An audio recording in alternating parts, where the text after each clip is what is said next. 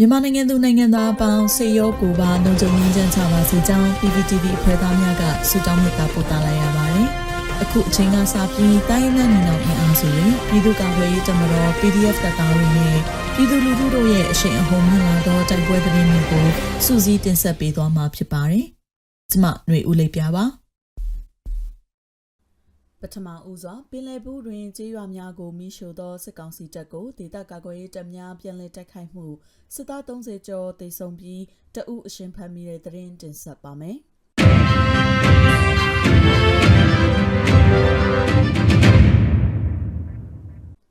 စကိုင်းတိုင်းပင်လယ်ဘူးတွင်ကျေးရွာများကိုမိရှို့သောစစ်ကောင်စီတပ်ကိုဒေသကာကွယ်ရေးတပ်များကပြန်လည်ခုခံတိုက်ခိုက်ရာစစ်ကောင်စီတပ်ဖက်မှ30ကျော်သိဆုံးပြီးတအုပ်အရှင်ဖမ်းမိကြောင်း လက်နက်များလည်းတင်ဆက်ရမိကြောင်းကောလင်းခရိုင်ပြည်သူ့ကာကွယ်ရေးတပ်ဖွဲ့ထံမှသိရှိရပါသည်စစ်ကောင်စီတပ်များကပင်လယ်ကူးမြို့နှင့်သုံးမိုင်သာကွာဝေးသောကျေးရွာများကိုမိရှို့လာသဖြင့်ပြည်သူလူထုကိုကာကွယ်ရန်ဒေသကာကွယ်ရေးတပ်များကပြန်လည်တိုက်ခတ်ခဲ့ကြောင်း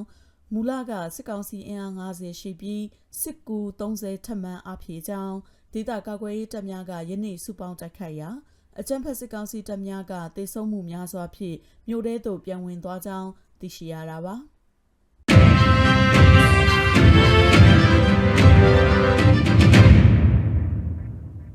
ပလဲတွင်ဖြစ်ပွားသောနှစ်ရက်ဆက်တိုက်တိုက်ပွဲတွင်စစ်သား22ဦးခန့်သေဆုံးပြီး PDF ရဲဘော်9ဦးကြာဆုံးတဲ့တွင်ဆက်လက်တင်ဆက်ပါမယ်။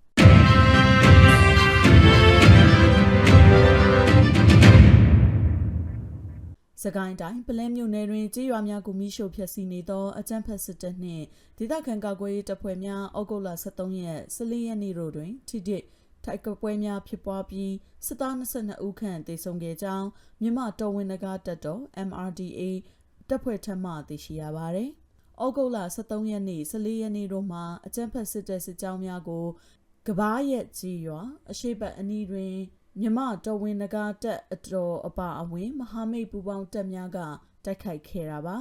ကဘာရဲ့ကြေးရွာနှင့်ထိန်းနေကြေးရွာအနီးတစ်ဝိုက်တွင်အကြမ်းဖက်စစ်တပ်နှင့်ကာကွယ်ရေးတပ်ဖွဲ့များထိတွေ့တိုက်ပွဲပြစ်ခတ်ခဲ့ကအကြမ်းဖက်စစ်တပ်ဖက်မှ14ဦးခန့်သေဆုံးခဲ့ပြီးမြမတော်ဝင်နဂါတက်တော်အရှိတ်ဘက်စစ်ကြောင်းမှရဲဘော်2ဦးနှင့်အခြားဘက်စစ်ကြောင်းမှရဲဘော်4ဦးကြာဆုံးခဲ့ကြောင်းသိရှိရပါသည်အကြမ်းဖက်စစ်တပ်စစ်ကြောင်းကိုမြမတော်ဝင်နဂါတက်တော်နှင့်အတူ ရင်းမာပင်ခရိုင်တရင်တစ် Royal Eagle တော်လန်ရေးတပ်ပလဲချုပ်ကအဖွဲ့နှင့်ဒေသခံတော်လန်ရေးတပ်ပေါင်းစုများကပူးပေါင်းတိုက်ခိုက်ခဲ့ခြင်းဖြစ်ပါတယ်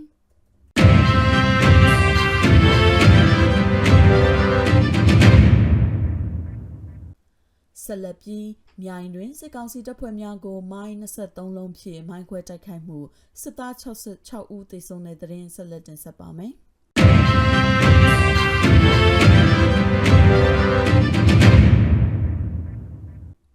မကွေးတိုင်းမြိုင်မြို့နယ်အတွင်း၌အကြမ်းဖက်စစ်ကောင်စီရင်နှန်းနှင့်ကင်းပုံများကိုမိုင်မြို့နယ်ပြည်သူ့ကာကွယ်ရေးတပ်ဖွဲ့ကမိုင်း23လုံးဖြင့်ယမန်နေ့နှင့်ယနေ့နှစ်ရက်ဆက်တိုက်ဖောက်ခွဲတိုက်ခိုက်ရာစစ်သား6ဦးသေဆုံးပြီး3ဦးဒဏ်ရာရကြောင်းသတင်းရရှိပါသည်။မြိုင်မြို့နယ်တဲကြီးနှင့်နေသက်ရွာကြားတွင် ထပ်မံကင်းပုံဝစ်လာသောစစ်ကောင်စီတပ်ဖွဲ့ကိုယနေ့ဩဂုတ်လ16ရက်နေ့နက်9:15မိနစ်တွင်မိုင်းကိုလုံးဖြင့်ထပ်မံဖောက်ခွဲရာစစ်သား3ဦးသေဆုံးပြီး2ဦးဒဏ်ရာရရှိကြောင်းမြိုင်မြို့နယ်ပြည်သူ့ကာကွယ်ရေးတပ်ဖွဲ့ကထုတ်ပြန်ထားတာပါ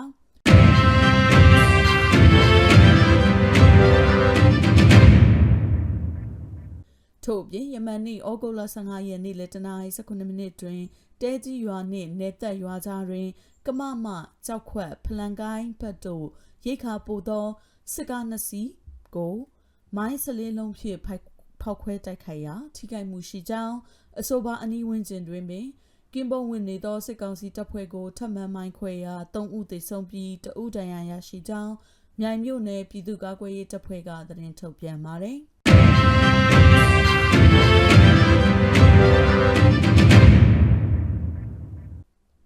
နောက်ဆုံးအနေနဲ့အင်ဒိုမြို့နယ်နဘာလန်းဆုံအနီးရှိ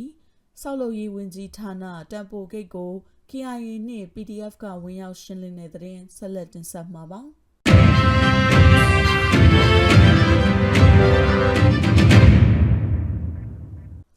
စကိုင်းတိုင်းအင်ဒိုမြို့နယ်နဘာလန်းဆုံနီးရှိစောက်လုပ်ရေးဝင်ကြီးဌာနတံပိုဂိတ်ကို KIA နှင့် PDF ကယနေ့ဝင်ရောက်ရှင်းလင်းပြီး